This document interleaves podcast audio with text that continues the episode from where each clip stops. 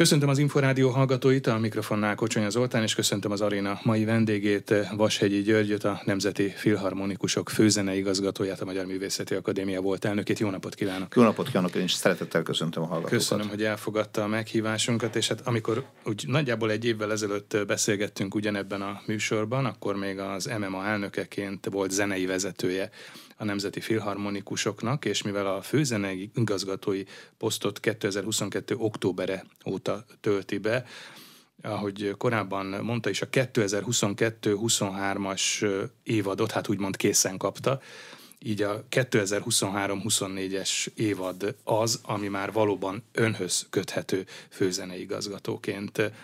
Jöttek-e, jönnek-e ezzel kapcsolatban azért változások, akár a repertoárban, netán zenei, stílusbeli változatok, vagy másfajta hangsúlyok? Azt hiszem a lényeg ott van talán, hogy nagyon megtisztelő, hogy ezt a pozíciót megkaphatom és betölthetem 2022. novembere óta egyébként. A 22-23-as év az, évad az ténylegében teljesen kész volt, minimális koncerteket tudtam vállalni, hiszen akkor még tartott az MMA elnökségnek a vége is és a 23-24-es évad, amelynek most a közepén is már talán túl vagyunk, vagy közepe felé járunk, ez is olyan értelemben még egy átmeneti évad, hogy például a turnék jelentős részét korábban kötötték már le, és én úgy gondoltam, hogy egy újonnan érkezett vezető részéről nem etikus, nem illendő megváltoztatni lekötött dolgokat, tehát a külföldi turnékat kiváló vendégkarmesterek vezényelték, akik korábban még az én érkezésem előtt föllettek kérve ezekre. Volt már idén is olyan, nem olyan régen jöttünk vissza egyébként Amsterdamból, az Amsterdami koncertgában léptünk föl. Hát az iszkirája. Február 3-án a Lalo Operával. Igen, ez már hozzám kötődik, tehát ez igazából én járok az utóbbi években viszonylag rendszeresen a Zaterdax Matinéba, az egy Euró, egész Európának az egyik leg, hogy is mondjam, csak invenciózusabb koncertsorozata, a világ egyik legkiemelkedőbb koncerthelyszínén az Amsterdami koncertgebauban, és most a Nemzeti Filharmonikusokkal most voltam ott először, Purcell Orfeóval 23-ban kétszer is voltunk ott, két különböző ramóperával, és a jövő évattól kezdve terv szerint a turnékat is én fogom vezényelni, mhm. hiszen a Ez zenekar... a következő évad lesz az, ami már egyértelműen Vashegyi György főzeneigazgató. Hát, talán azért lehet mert arra kevés olyan ö, dolog volt lekötve korábban, amely, amely döntést igényelt volna. Ugye azt kellett eldönteni mondjuk, hogy a 24 szeptemberi kínai turnét szeretném én vezényelni, vagy ott is az ügynökségek által ajánlott karmester. Természetesen örömmel megyek Kínába a nemzeti filharmonikusokkal, és egyébként, ha jól tudom, elég sok Bartókot fogunk ott játszani. Az egyébként megfogalmazható, hogy mi adja a nemzeti filharmonikusok repertoárjának a törzsét, vagy a gerincét. Azért is kérdezem ezt, mert de utalt rá az imént is, hogy ön a régi zene, a barokk zene, francia romantika felől érkezett, és hát továbbra is vezetője a régi zenét játszó Purcell Kórusnak és Orfeo zenekarnak. Nemzeti filharmonikusoknak ezzel vannak találkozási pontjai, vagy az nemzeti filharmonikusok azért egy szélesebb zenei spektrumot jelent? Hát hogy ne? Nagy, sokkal szélesebb zenei spektrum, a Nemzeti Filharmonikusoknak mindent kell játszani, és mindent játszanak is, de nagyon jól kiegészíti a kettő egymást, mert egyébként az ön által is említett francia romantika ez a Purcell Orfeo tevékenységből nőtt ki, kvázi, de a francia romantika terén a nemzeti filharmonikusoknak a repertoárja sokkal gazdagabb. Purcell Orfeo, ha jól számolom, most ezt a Lalo operát, most januárban vettük lemezre. Eduard Lalónak az igen, ott volt ugye az ősben, király. Magyarországi ősbemutató is. Igen, egyébként. ami egyébként érdekes, hogy ezt Magyarországon annak idején nem játszották, mert rendkívül frankofon világ volt Budapesten, vagy Budapesten a 19. század végén. Én azt olvastam, hogy világszerte és viszonylag kevés helyen játszották, és kevés szem. Ez nem egészen így van, tehát ha én úgy tudom, hogy a 1880-as éve, 80-90-es években tíz év alatt több mint ezer előadása volt az észkirályának az egész világon. Uh-huh. Tehát Carmen-szerű, népszerű sikertörténetnek indult, csak aztán egy kicsit kikopott a repertoárból, vagy kikopott a repertoárból, tehát e, magyar az, hogy annak idén ezt nem játszották Budapesten, azt szerintem csak a véletlen műve, mert egyébként most nézek utána annak éppen, hogy Dölibnek a Lakmi előtti operája, Jean Denivel, amelyet lehet, hogy meg fogunk csinálni majd a jövőben, az például ment már Magyarországon is. Az 1880-as évben elképesztő, gondoljon bele, hogy a Budapesti Operaház kötelezőnek érezte, hogy öt éven belül bemutassa Dölibnek, aki még nem volt a Lakmi zeneszerzője, tehát nem volt még világhírű Igen. az utolsó nagy romantikus operáját, tehát nagyon más világ volt. Nyilván ennek a frankofon világnak Trianon vetett véget, vagy legalábbis elég komoly, érthető módon egy cezúrát húzott ebben a világban. Oda szerettem volna kiukadni, hogy ez a Lalo opera, amelyet most lemezre vettünk, ez összeszámoltam, ez a 19. teljes francia operám, amelyet én lemezre vettem az elmúlt másfél évtizedben. Ennek a zömét a Purcell Orfeóval csináltam, sőt, mindent a Purcell Orfeóval csináltam. Ez volt az első, a Masné Werther tavaly, illetve a Lalo ez a második, amelyet már nem a, nem a régi zenei együtteseimmel csináltam, de a francia repertoár az, az egy nagyon kontinuus repertoár, nagyon-nagyon folyamatos. Talán sehol nincsen ez a fajta kontinuitás jelen, mint a francia zenetörténetben, semmilyen más nemzeti zenetörténetben Európában. És hogyha az embernek a kontinuitásnak egy-egy, egyes pontjait látja, mondjuk ismeri a Carment, meg ismeri a Pelias és Melisandot, meg előttem mondjuk a Hugenottákat, meg ki tudja a Guno, Romeo és Juliát, vagy Faustot, nem lehet meg Berliosztól valamit, nem lehet megérteni. Még akkor se, hogyha valaki jól beszél franciául, hanem látni kell, hogy ez az intézmény honnan indult, mondjuk a Párizsi Operára célzott, tehát Académie Royale de Musique 17. század végén, és és milyen fajta folyamatos folytonosság és folyamatosság van. És tehát ilyen értelemben a Purcell Orfeóval ebből a sok-sok francia zenéből, amelyet előadtunk, lemezre vettünk, ebből logikusan jött ki, hogy az ember egy ponton túl tovább lép a nagy romantikus repertoár fele, ahol, ahol egyébként szintén érdekes lenne a korabeli hangszerekkel játszani.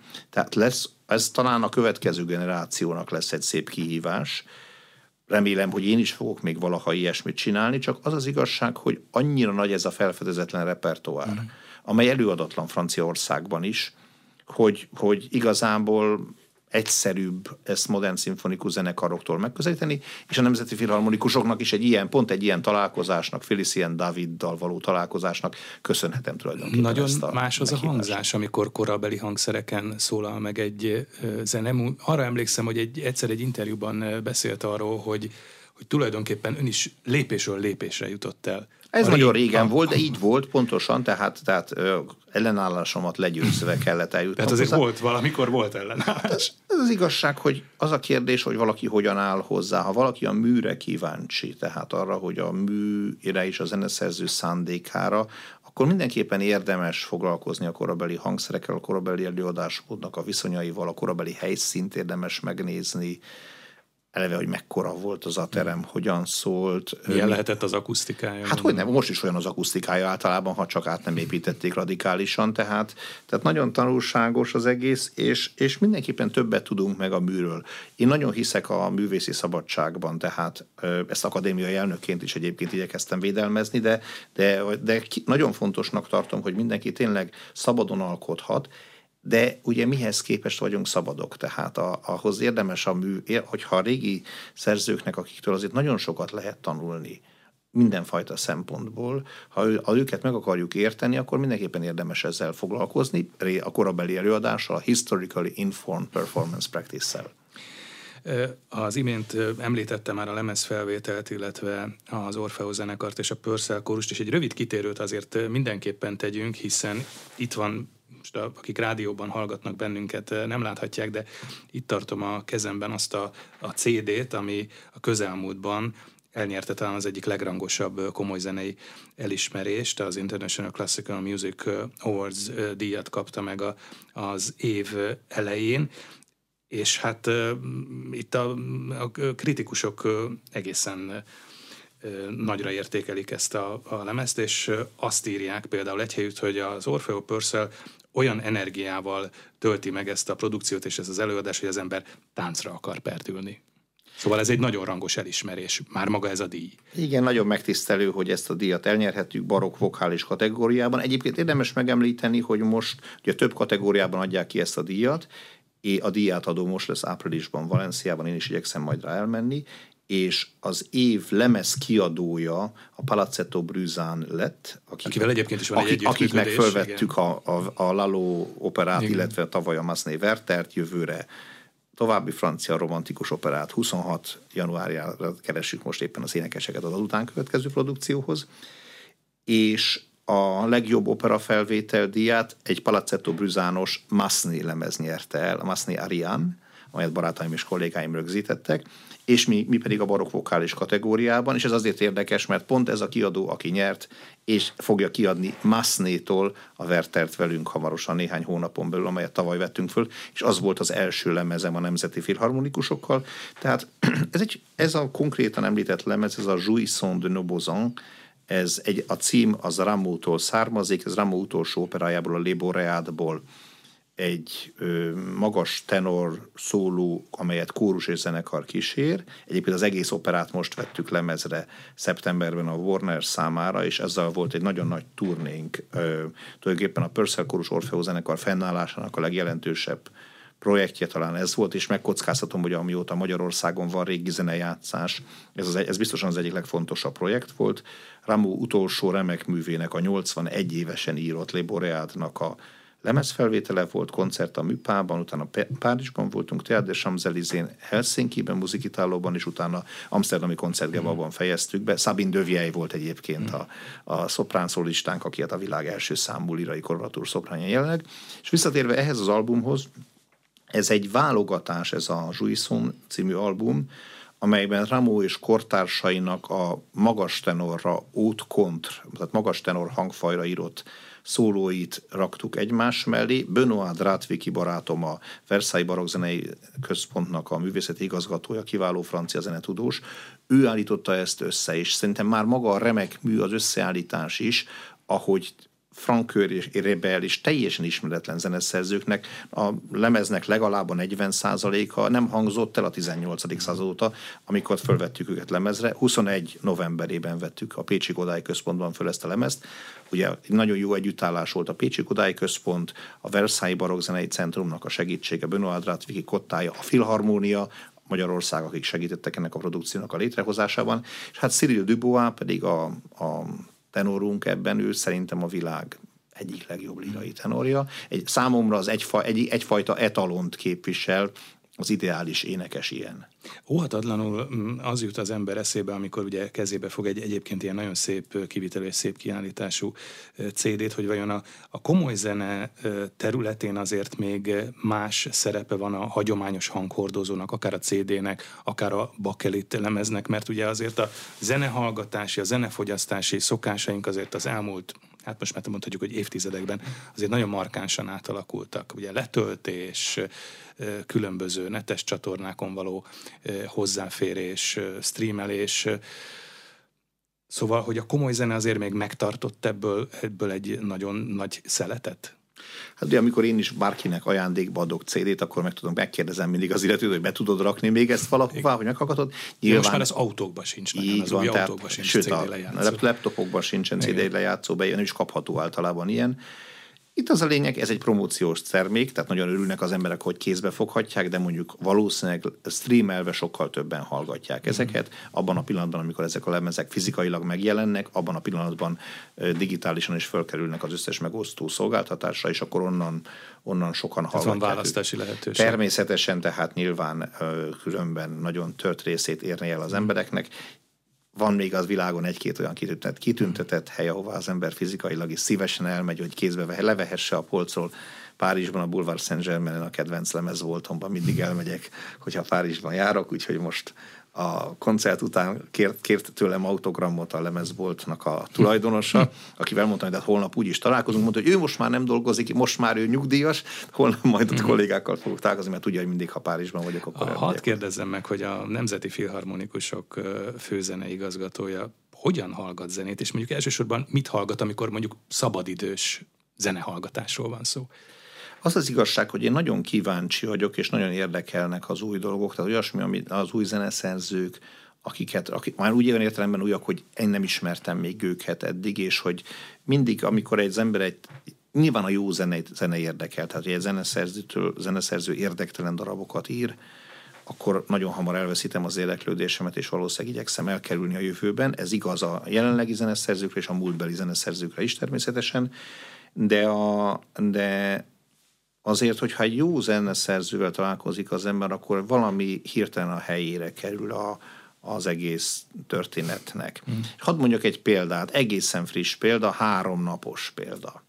Klein Heinznak hívják a zeneszerzőt, ő valamikor Mozart után, egy, Mozartnak kb. 10 évvel volt fiatalabb, Németországban született, ha jól emlékszem, Münchenben volt, aztán Bécsben tanult Arbrechtsbergernél, Beethovennel jó barátságba került, tehát Beethoven, olyannyira, hogy Beethoven, ha valamennyire ismerik ma a nevét, az azért van, mert Beethoven megbízta Klein Heinzot azzal, hogy Beethoven művekből átiratokat készítsen. Ez egy óriási kitüntetés volt hogy Beethoven azt mondta, hogy te méltó vagy arra, hogy csinálj átiratokat a műveimből, Utána Klein Heinz volt, azt hiszem, Párizsban például, Szentpétervárot, és az életét Budapesten vagy Pest-Budán fejezte be. A, a német, nyelv, német színháznak volt az igazgatója évekig, és hát nagyon érdekes áthallások. Én azért kezdtem el vele foglalkozni, mert három nappal ezelőtt, amikor a Heidneum digitalizáljuk most az Eszterházi igen, gyűjteményt, igen. találtunk egy nagy Klein Heinz oratóriumot, egy passi oratóriumot, tehát a Metastasio szövegnek a, a Passio del Gesù Cristo, La Passione del Gesù Cristo, és akkor ennek a ezt minden valószínűség szerint előadhatták 1809 körül Eszterházi udvarban, lehet, hogy Hummel vezényletével, második Miklós Eszterházi herceg számára. Egy kicsit utána néztünk ennek a zeneszerzőnek, nagyon érdekes a mű, tehát valószínűleg egy nagyon fontos műnek tűnik, jelentős mű. És hát kiderült, hogy ez az ember ennek az embernek az miséje volt az, amelyet Napóleon császári beiktatása alkalmából játszottak. Hm. És a franciák is 200 évig azt hitték, hogy Etienne Nicolas méül írta ezt a misét. Nem olyan régen derült ki, pont Palacettós francia barátaim, akikkel együtt dolgoztunk, találkoztunk most Amsterdamban. Tegnap este írtam nekik egy e-mailt, hogy egyrészt milyen jó volt benneteket látni Amsterdamban, másrészt van egy teljesen új témám, hogy ez a Klein Heinz, neked rengeteg magyar kötődése van. Tehát ennyire benne voltunk a vérkeringésben, ahogy az imént mondtam, hogy milyen frankofonok voltunk a 19. század végén, de a 19. század elején is. Mm. Tehát, hogy milyen nemzetközi együtt, össze, összefüggések voltak, és itt van egy nagy műnek az egyetlen forrása, hatalmas partitúra előadói anyaggal, biztosan volt belőle előadás. Tehát, és egy ilyen zeneszerző helyére tesz valamit. Ha megismerem majd a művet, akkor meg látni fogom, hogy milyen, milyen ö, súlyú komponista, de valószínűleg jó, hogyha Beethovennek jó volt, és Beethoven jó véleménnyel volt róla, és erről sok dokumentum van, akkor, akkor ez, és ráadásul része a magyar zenetörténetnek. Majd szeretném, hogyha részletesebben is beszélgetnénk a Hajdneumról, de az említett Eszterházi hagyaték, ugye, ami az Országos Széchenyi Könyvtárban van, és ott zajlik most ez a, a digitalizáció. Erről már korábban beszéltünk, de azért az érdekelne, hogy ez hol tart most ez a folyamat, mert itt ugye hatalmas anyagról van szó. Hát ilyen 50-60 ezer digitalizált oldalnál tartunk, ez egy olyan együttműködés, amely a Haydneum Magyar Régi Zenei Központ és az Országos Széchenyi Könyvtár között azt hiszem egy példamutató együttműködés és könyvtár digitalizációban az, hogy teljes történeti gyűjteményeket digitalizáljanak, azt hiszem ilyen nem nagyon volt még Magyarországon, ebben ugye nagyon fontos, hogy a Covid alatt a magyar állam támogatásával létrejött egy Közép-Európa legnagyobb könyvtár digitalizációs központja a Széchenyi Könyvtárban, tehát ez, ez egy nagyon fontos dolog, és a Széchenyi Könyvtár ezt a, a Heidneum féle együttműködésben ezt az anyagot digitalizálja ott, egészen konkrétan a könyvtárban dolgozik négy digitalizáló, illetve restauráló kolléga, akiket a Heidneum alkalmazásában vannak, és ők végzik ezt a munkát, és a Heidneumos kollégák katalogizálnak. Tehát a régi katalógusokból, amelyek egyébként fantasztikusak, csak nagyon sok fajta van belőlük, próbálunk egy egységes adatbázist létrehozni, csak becsülni tudjuk 4-5 ezer kötet zenei műről van szó, ezek korabeli mondjuk 1820-as, 30-as évekig, ez csak az országos Széchenyi könyvtár, és 3-400 ezer oldal zenei kézirat, de hát ki tudja, lehet, hogy 500 ezer lesz a végén. 10%-onnál mindazonban túl vagyunk már a digitalizációban, és hát kerülnek helyükre a dolgok de rá is lehet bukkanni itt elfeledett kincsekre, vagy akár olyan elveszett darabokra, amikről tudtuk, hogy van, de nem nagyon lehetett tudni, hogy, hogy hol lelhetők fel ezek. Ugye itt gondolok arra, hogy talán éppen ennek a kutató munkának a során került elő ugye Mozart török indulójának az autográf. Igen, ez egy tizenvalahány évvel ezelőtt történt, igen, és Mikusi Balázs kollégánknak volt, zenetudósnak, aki a Széchenyi Könyvtár zenei gyűjteményének volt igen. az előző vezetője, ő neki volt, egyébként volt tanítványom a Zenakadémián annak idején, amikor én a 90-es évek közepén zenetudományi szakon néhány évig tanítottam, akkor ő pont tanítványom volt. Tehát ilyen óriási felfedezések is voltak, ilyet, ilyen ben is reménykedünk, hogy lesz hmm. majd ilyen, de hát az a fontos, hogy helyére tudjuk rakni a zeneszerzőket, és ki tud, lát, tud, legyünk képesek megmondani, hogy melyik, melyik zene érdemes arra, hogy, hogy foglalkozzunk vele. Mm. Ezért fontos, hogy két kiváló zenész kollégám, akik ö, hivatásos zenészek, Egri Márton klarinétos kollégám, illetve Pintér Ágnes, aki szopranénekes, és egyikőjük tagja az Orfeo zenekarnak, másik a Perszekorusnak. Mind a ketten nagyszerű muzsikusok, és ők főállásban dolgoznak most azon, hogy átvizsgálják ezeket a köteteket, és a mm. katalogizálás mellett képesek meglátni a kiemelkedő műveket.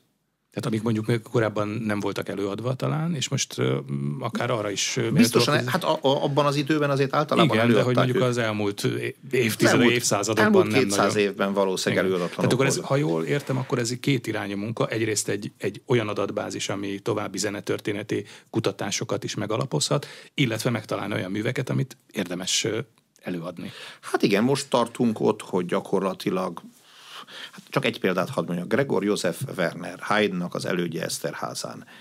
Az ő művei az USK-ban az MS MUS, tehát a zenei kézirat gyűjtemény műcsoportnak a római hármas kötete. Ha jól emlékszem, 344 kötet kompozíció Wernertől. A múltkor az Egyházenei Fesztiválunkon 11 kötetből adtunk egy koncertet. 11 kötet kiadott egy teljes koncertet, ez a 344 kötet, ez mondjuk 40 koncertműsor csak Wernertől. Hmm. És a legmagasabb európai késő barokk színvonalú zene, rendkívül egyéni zene, és ez csak egy példa, zeneszerzőkre fókuszálunk nyilván Josef Haydnra, Michael Haydnra, Albrechtsberger, Werner, Hummel, Klein Heinz, tehát ahogy csak így folytassam a sort. Nagyon sok érdekes dolog van, és nagyon sokat tanultunk abból, hogy a francia kollégák hogyan dolgozzák fel a saját nemzeti repertoár, nemzeti hagyatékukat. E, ebben nagyon jó példa ez a Palazzetto Brüsszán. Azzal kezdtük a mostani beszélgetésünket, hogy mi is adja a Nemzeti Filharmonikusok repertoárjának a törzsét, vagy a gerincét, és hogy vannak-e találkozási pontok például a régi zenével, vagy a, a barokk zenével, és az jutott eszembe, amit egy korábbi interjúban mondott, hogy a modern szimfonikus zenekarok és a 18. századi zene legszerencsésebb találkozási pontjai, ha már ugye a találkozási pontokat keresünk, akkor talán éppen Haydn és Mozart, mert hogy ők kínálják a zenekarépítés legjobb terepét. Mitől vagy miért éppen Haydn és Mozart, ami zenekart építhet? Hát azért, mert ugye abban a Haydn és Mozart is hallották a műveiket egészen kis zenekaron és nagy létszámú zenekaron is. Tehát József Haydnnak valószínűleg három első hegedűse volt az Eszterházi udvarban, amikor elkezdte ott a működését, és Mozartnak is játszották operáit négy első hegedűvel, és ugyanúgy játszották a szimfóniáit húsz első hegedűvel is. Most ezt kétszer-háromszor annyian játszák általában? Ebben mindenfajta lehetőség van. Egész egyszerűen egy kis létszámú előadás az, az olyan érzékenységet kényszeríti a zenész, és olyan érzékenységet fejleszt ki, ami nagyon jó és nagyon hasznos, amit már meg tudtunk valósítani ebben az évadban, és amit a jövő évad, és tulajdonképpen ez valamennyire az én személyemhez kötődik, hogy a Nemzeti Filharmonikusoknál egy olyan nagy lét, van majdnem száz szimfo hivatásos zenészünk főállásban, akik válogatott, kiváló kollégák, a magyar zenei életnek a krémje. És megengedheti magának ez a zenekar azt, hogy egyszerre kétfelé osztódjon, és két zenekar működjön párhuzamosan, pont ebben a Mozart Haydn repertoárban. És azért mondom, hogy Mozart Haydn, beethoven azért nem mondom hozzá, mert Beethoven kultuszú Magyarországon szerencsére van, és ezt mi ápoljuk ugye például a Martonvásári hangversenyeinkkel, de beethoven én valahogy úgy látom, hogy ő, ő más, ő a jövő. Tehát ő a nagy választóvonal az Mozart, Haydn és Beethoven között húzódik, és igazából ezekbe a koncertekbe tudatosan nem rakunk Beethoventől egy hangot sem, hanem Mozart, Haydn és kortársaik. Hummel, Mihály Haydn, stb. stb. De nagyon sok zenesz, kiváló zeneszerző van, és két zenekar működik párhuzamosan, és ilyenkor a két zenekar ad a Zeneakadémián koncerteket ilyenfajta repertoárral. François Lölővel lesz egyébként pont a kiváló francia oboistával és karmesterrel. Most lesz a legközelebb következő ilyen hangversenyünk. Hozzuk szóba azért az operát, meg az opera játszás, vagy akár az operákból összeállított szvitteket. Annál is inkább, mert ha jól tudom, akkor indult már az ön főzeneigazgatóságához köthetően egy operabérlete a Nemzeti Filharmonikusoknak, és hát ami már szóba került, ugye most januárban volt az Ész király Eduard Alónak, az operájának a, a bemutatója a műpában. Miért lehet ennyire hangsúlyos, hogy miért ilyen fontos a, az, az opera, vagy az opera játszás, vagy egyáltalán az operának akár szvittekben összeállított megjelenítése? Az opera játszásra mm, válaszolnék, hogy nekem nagyon régi teóriám, nekem személyesen számomra a Bécsi Filharmonikus Zenekar egy egészen különleges ideált testesít meg. Nagyon szeretem azt a zenekart, nagyon tisztelem és nagyon a munkájukat, és nagyon szeretem a hangzásukat. És azt a fajta rugalmasságot nagyon szeretem, amely a legjobb pillanatokban jellemzi őket, egy gyönyörű hangzás és egy rugalmas, lélegző, éneklő hangzás, és ugye meggyőződésem az, hogy ebben a szép hangzásban, ebben a sikeres munkában nagy jelentősége van annak, hogy ők nap mint nap operát is játszanak. Az Ugye opera az úgymond másfajta alkalmazkodást követel meg a zenészektől, vagy egy zenekartól? Egy lélegző, éneklő játékmódot, ami egyébként szintén a múltban mindig is jelen volt, tesz minden, minden hangszer traktátus, minden hangszer tankönyv, leírja, hogy a hangszereknek az énekhangot kellene utánozniuk, mm. levegőt kellene venniük, most egy fúvós játékos esetében ez természetes, egy zongorista meg egy hegedűs esetében sajnos már nem is annyira természetes manapság, hogy a zenei, zenei frázisaikat levegővételekkel artikulálják egymáshoz képest, Ugye ez olyan kicsit olyan, mintha ebben, a, ebben az interjúban én soha le, le nem vinném a hangsúlyt egyetlen mondat végére, hanem végtelenség beszélnék addig, amíg a levegőm el nem fogy, vagy esetleg újra töltik. Szóval ez, ez, ez egy nagyon érdekes kérdés, és szerintem az emberi énekhanggal való, az énekhanggal való közös munka az hihetetlen távlatokat nyit meg, és, és a nagyon jó irányba befolyásolja a, játékmódot a hangszereken. Annak idején azt mondták, hogy egy énekesnek beszélnie kell, a hangszeresnek meg énekelnie kell. Mm.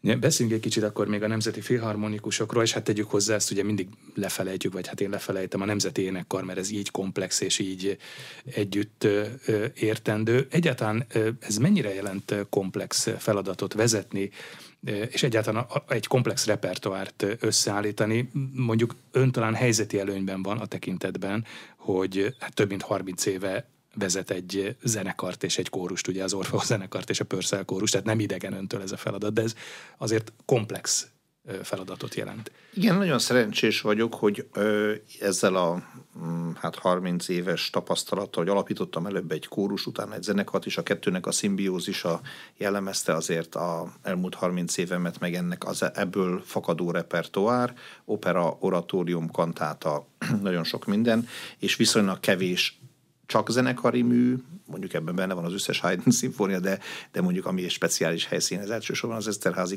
kastélyhoz kötődött, vagy és viszonylag kevés csak kórusos mű, hanem a kettőnek az összerakása.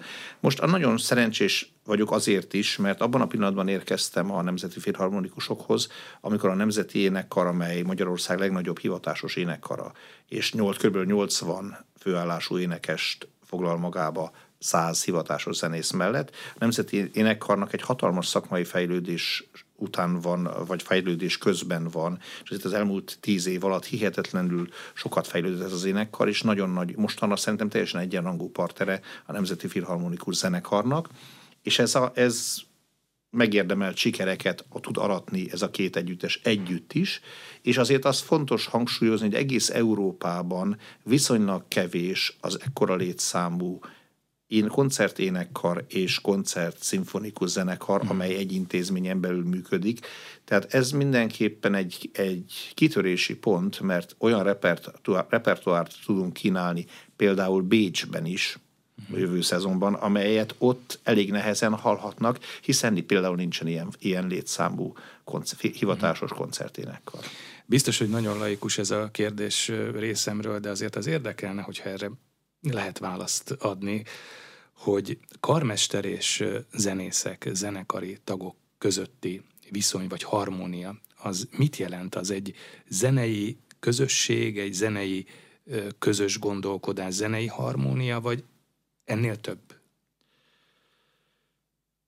Szerintem a zene kell, hogy minket összekössön, tehát a zene inspirációja, a zenének a varázsa, azért vagyunk együtt.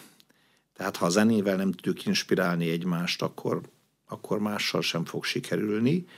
A, segítünk egymásnak, azt hiszem. Tehát a karmesternek az a dolga, hogy seg, megkönnyítse az előadók számára annak a partitúrának a megszólaltatását. Tehát támpontokat nyújtson, irányt mutasson, elmondja pontosan, hogy mit javasol. Ugye Napóleon mondta, most a, a Napóleon beiktatására kapcsán már szóba került, Napóleonnak van egy számomra nagyon kedves mondása, hogy egy rossz tábornok többet ér, mint két jó. és, és, a, és ugye ezt nyilván helyén kell kezelni ezt a mondást, hogy ez mire vonatkozik. Tehát igazából kell egy vezető egy, egy kóruszenekar élén, aki egy bizonyos létszám fölött, ez a létszám valószínűleg, hogy aki, ha már két számjegyű, akkor már valószínűleg valamilyen vezetőre szükség van, és utána érdemes kivitelezni azt, amit mond.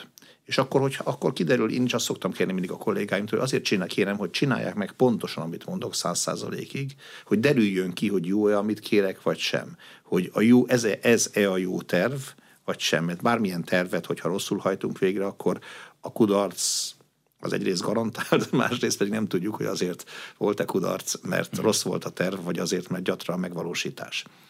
Tehát ezért ehhez egy nagyon fontos az emberi bizalom és emberi harmónia, amelyik úgy érzem, hogy megvan most. Ja, azért is jutott eszembe ez a harmónia karmester és zenészek között, mert van nekem egy számomra nagyon kedves film, Federico Fellinnek a Zenekari Próba című filmje, ahol éppen ugye az ellentét a zenekar és a, a karmester között éppen erről szól, és tulajdonképpen egy zenekari sztrájkig fajuló ellentétet eh, vázol föl, pedig nagyszerű zenészek vannak ott is, és nagyszerű, kiváló a karmester is. Tehát, hogy ez a harmónia megteremtése, ez talán nem is olyan egyszerű feladat, viszont alapfeltétel annak, hogy egy jó működő zenekar legyen. Így van, tehát teljesen egyetértek, és nagyon, nagyon nagy hagyománya van a diktatúrának, meg a, a hogy mondjam, csak a a pszichiátriai kategóriába hajló karmester kollégáknak is népes a tábora. Én nem hiszek a diktatúrában, és nem hiszek abban, hogy az emberi ellenszenv vagy a negatív indul, a sötét erők,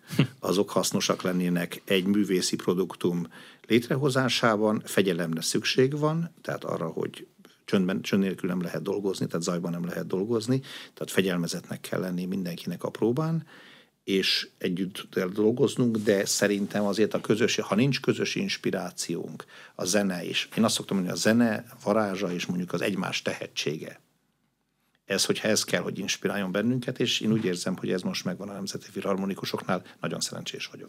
Ha egy kicsit beszélünk a zenekar működéséről, akkor talán érdemes kitérni arra, hogy ugye, ha jól tudom, akkor jelenleg három tisztán állami fenntartású szimfonikus zenekar működik, a Nemzeti Filharmonikusok mellett még a Concerto Budapest és a Szent István Filharmonikusok. Ez jelesül ugye a nemzeti filharmonikusok esetében egy ilyen kiszámítható és biztos finanszírozást jelent folyamatosan? Hát, ezek az államnak a cégei, ha így szabad így fogalmaznom. Tehát zenei cégei. Zenei cégei, így van, a filharmónia is ilyen egyébként, mm-hmm. amely koncertszervezéssel foglalkozik. Tehát az államnak az a feladata, hogy a saját cégeinek megfelelő feladatokat szabjon, és megfelelő finanszírozást és személyi feltételeket biztosítson. Én úgy érzem, hogy ez most adott, és a, a többi zenekarnak, ugye nagyon sok kiváló szimfonikus zenekar működik Magyarországon, Budapesten elsősorban, de vidéken is nagyon komoly a felhozatal. Ugye ezek mind vegyes fenntartású, vagy más, uh-huh. nem tisztán állami fenntartású együttesek, vidéki szimfonikus zenekarok általában az önkormányzatok által fenntartott együttesek, amelyeknek a működéséhez az állam, a kormány nagyon komoly, direkt, közvetlen finanszírozást tesz, de mégsem az állam a fenntartó. Mm. Tehát ilyen szempontból a mi esetünk, ahogy ön is mondta, a Nemzeti Filharmonikusok, Concerto Budapest és Szent István Filharmonikusok esete picit egyszerűbb, ezek állami cégek, és a, egyértelmű a tulajdonosi struktúra. Mm.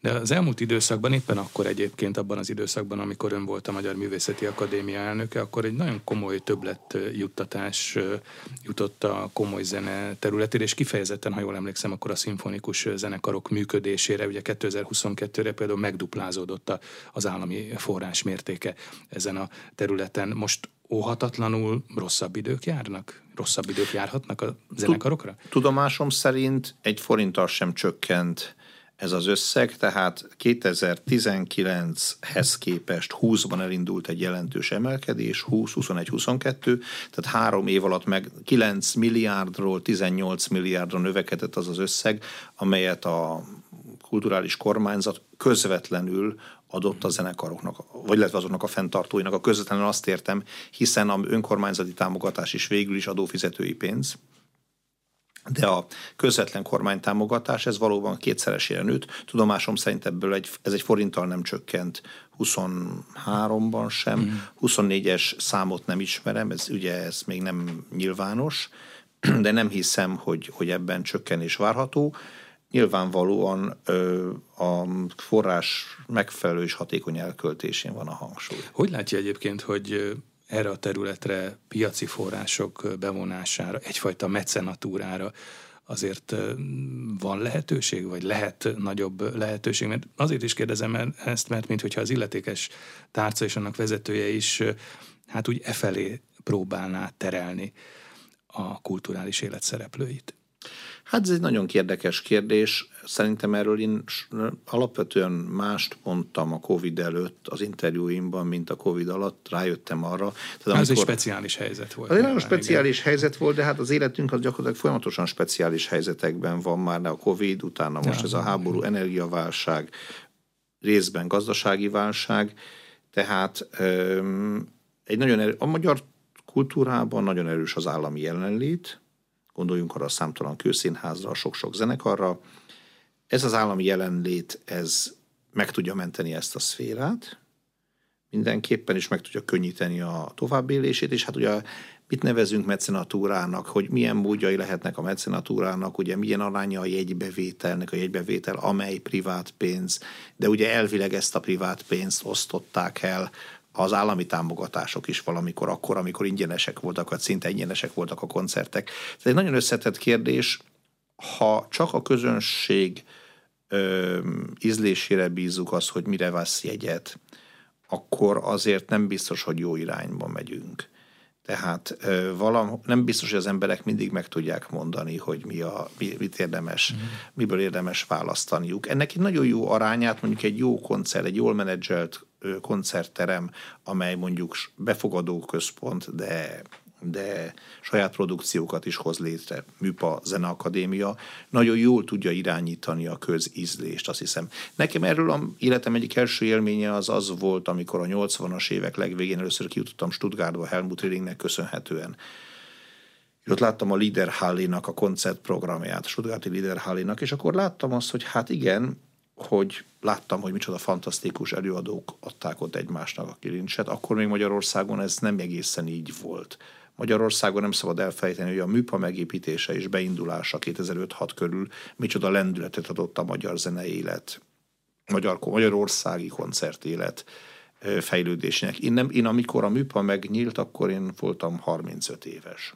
Többé-kevésbé kialakult elképzeléseim voltak a magyar zenei életről, és nem gondoltam volna 35 évesen, hogy ilyen ugrásszerű emelkedés lehetséges lesz az én életemben.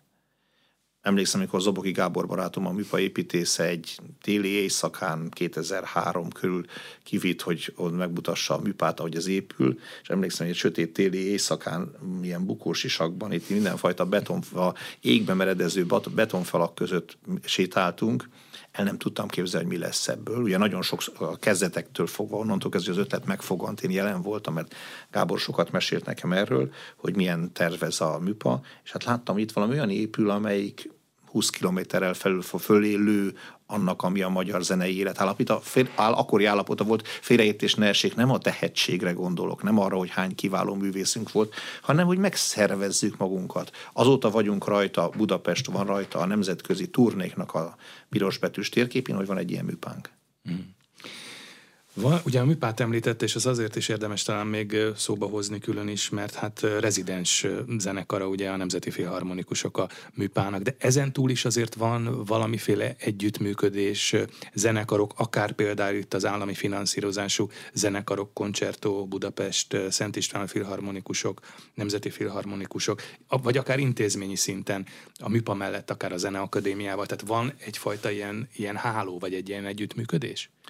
Szükség lenne rá, igyekszünk ennek motorjává válni, tehát én úgy gondolom, hogy az állami fenntartású komoly zenei intézmények, a tisztán állami tulajdonú és fenntartású intézmények, Nemzeti Filharmonikusok, Koncertó, Szent István, filharmónia, ezeknek a motorjának kell, ezeknek az intézményeknek a feladata, hogy motorjai legyenek ennek az együttműködésnek. Ezen vagyunk, nagyon, szerencsére nagyon hasonlóképpen gondolkodunk egyébként a, ezekben az intézményeknek a vezetősége, tehát a szakmai és, és menedzselési vezetői is hasonló világképpen rendelkezünk, és hát szerintem ö, arra kell vigyáznunk, hogy a kultúra nagyon sokáig egy forráshiányos terület volt Magyarországon. Tehát én 70-ben születtem, 20 éves voltam a rendszerváltozás pillanatában, az emberben tudatosult, hogy hát itt mi mindent lehetne csinálni, hogyha lenne komolyabb források. Ezt az, ezt az érményt az ember meg megújította szinte évente, szinte minden nap.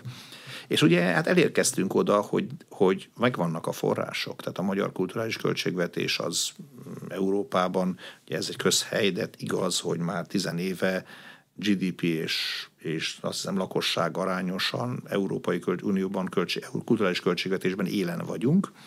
Ezt jól felhasználni és hatékonyan felhasználni, ez kihívás, ugye az együttműködésre nagy szükség lenne, és hát az intézmények közötti együttműködésen rengeteget lehetne javítani még.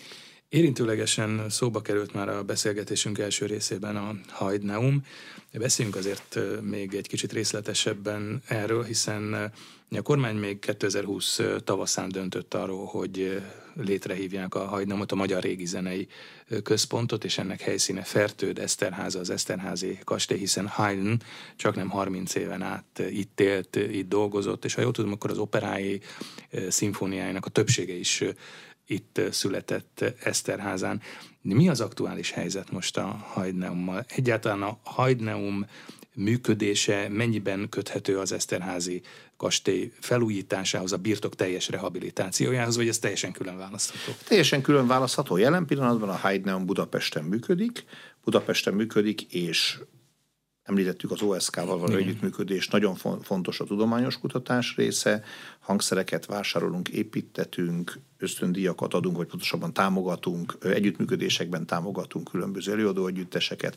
A Haydneumnak, mint intézménynek alapítványi formában működik, az alapító jogiratban nevesítve. Van a két rezidens együttes, az általam alapított, annak idején alapított Pörszelkorú Orfeó zenekar, tehát ezek az együttesek kiemelt szerepet vállalnak a De nincs is tervben, hogy a, hogy a Haydneum majd akár helyszínben is Eszterházához kötődjön? Nagyon sok koncertet adunk, szervezünk Eszterházán, tehát a 23-as évben 25, ha jól emlékszem, 25 estét. De ennek ugye korábban is volt hagyománya, még jó, jócskán a Haydn létrehívása előtt is. Hogy ne tehát? Fesztivál Haydn napok Eszterházán, ez 98. szeptember 4-ére örökre emlékezni fogok, az volt az első Haydn Fesztiválnak, a Magyar Haydn Társaság első fesztiváljának a nyitó koncertje, amelyet én vezényelhettem 98. szeptember 4-én. Eszterházán Strém Kálmán hmm. barátomnak óriási érdemei voltak ebben, aki koncertszervezőként ezt elindította. Ugye a kastély és műemlékek kulturális tartalommal való megtöltése az mindig egy nagyon érdekes kihívás. Három évtized alatt arra rájött az ember, hogy a kastélyt fenntartó intézményeknek ritkán van áll össze, állnak olyan jól a csillagok, együtt, hogy legyen ö, szakértelmük, forrásuk, kapacitásuk, helyszínük, magas színvonalú kulturális művészeti program lebonyolítására. Részben ez a felismerés ihlette a Haydn ötletét. Tehát a Haydneum együttműködik az Eszterházi, Fertődi Eszterházi kastélyjal, rendszeresen viszünk oda produkciókat, mint mondtam 23-ban 25 estét vittünk, idén lesz ez 30 is, ha minden jól megy. Ugye Haydn említettük, hogy Eszterházán születtek a legfontosabb, legjelentősebb művei, de jól köthető Magyarországhoz, ha nem is Magyarországhoz, mondjuk a magyar kulturális örökséghez érdemes egyfajta Haydn kultuszt építeni, felépíteni Magyarországon? Hát ez nem lehet kérdés természetesen, tehát Haydn zeneszerzőnk, és ezt nem úgy... De ezt az osztrákok is Kismartonban a határ túloldalán építgetik ezt a kultuszt, vagy föl is Hát nem, nem véletlen, hogy Kismartont Kismartonnak hívják, tehát Haydn is Kismarton szót használt annak idején, pedig nem nagyon beszélt valószínűleg magyarul, németül beszélt elsősorban, csak német nyelven is Kismartont mondtak.